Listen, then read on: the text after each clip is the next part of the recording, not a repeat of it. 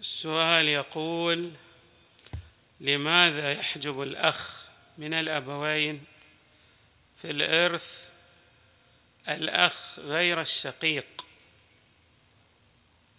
مع أن الأب واحد. طبعا عندنا مسائل في الإرث تسمى بمسائل الحجب. منها هذه المسألة التي طرحها السائل. وهي إرث الطبقة الثانية.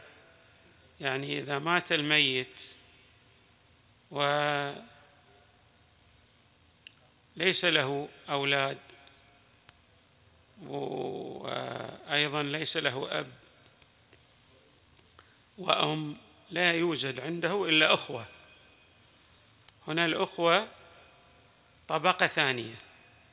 الطبقة الأولى الأولاد والأبوان. الطبقة الثانية الأخوة. الأخوة هنا على قسمين.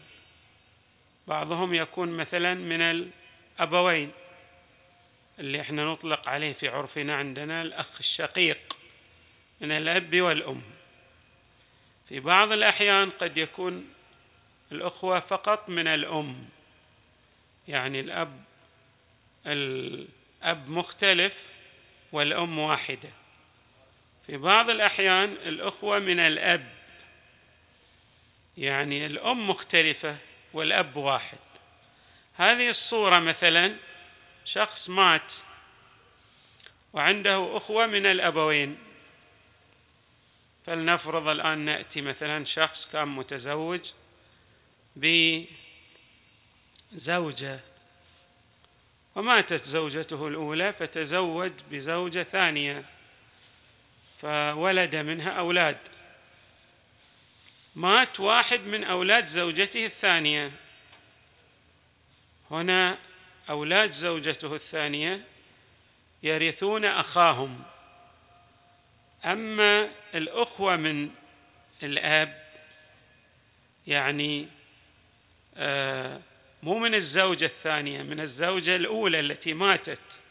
فلا يرثون هذا الأخ رغم أنه هو أخوهم من أبيهم ولكن لا يرثونه. يعني مع, وجود الأخوة من الأبوين يمنعون إرث الأخ من الأب وحده.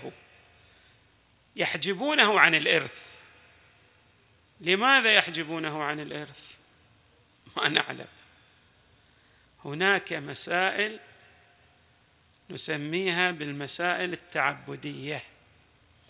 يعني الشارع المقدس تعبدنا بها.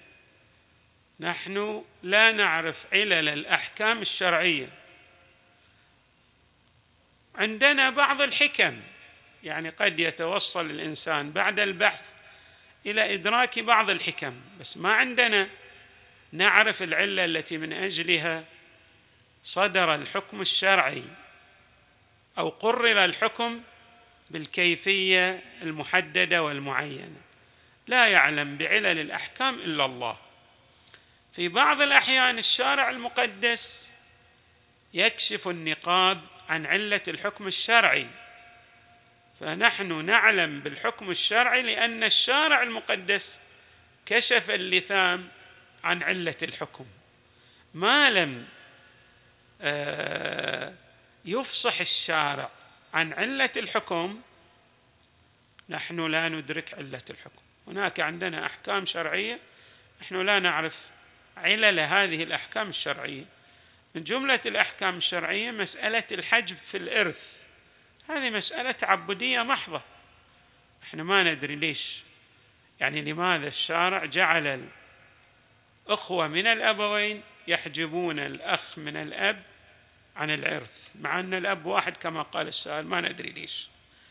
يعني نحن مع السائل في العلم بهذه المسألة على حد واحد سيان. نحن لسنا أعلم من السائل بهذه المسألة لأننا لم نطلع على علة الحكم الشرعي وبالتالي الحكم الشرعي مجهول لدينا. العلة للحكم الشرعي مجهولة هذا حكم تعبدي. مثل شنو؟ مثل لماذا كانت مثلا صلاة الصبح؟ مع أن الإنسان في أوج نشاطه أول ما يجلس ليش يصلي فقط ركعتين صلاة الصبح؟ مفروض يصلي تسع ركعات مثلا. لأن نشاط عنده وحيوية هو جالس من النوم. الظهر مثلا قد يكون تعبان المفروض صلاة الظهر خاصة في الصيف يصلي ركعتين مو يصلي أربع. الإنسان هذه الأحكام الشرعية ليس يعني ترجع إلى مزاجه. هذه حكم شرعي تعبدي. هكذا ورد النص الشرعي. ونحن نتعبد الله تبارك وتعالى وهذا جزء من الإيمان بالغيب. يعني المؤمن لابد أن يكون جزء من إيمانه جزء من دائرة إيمانه أن يؤمن بالغيب.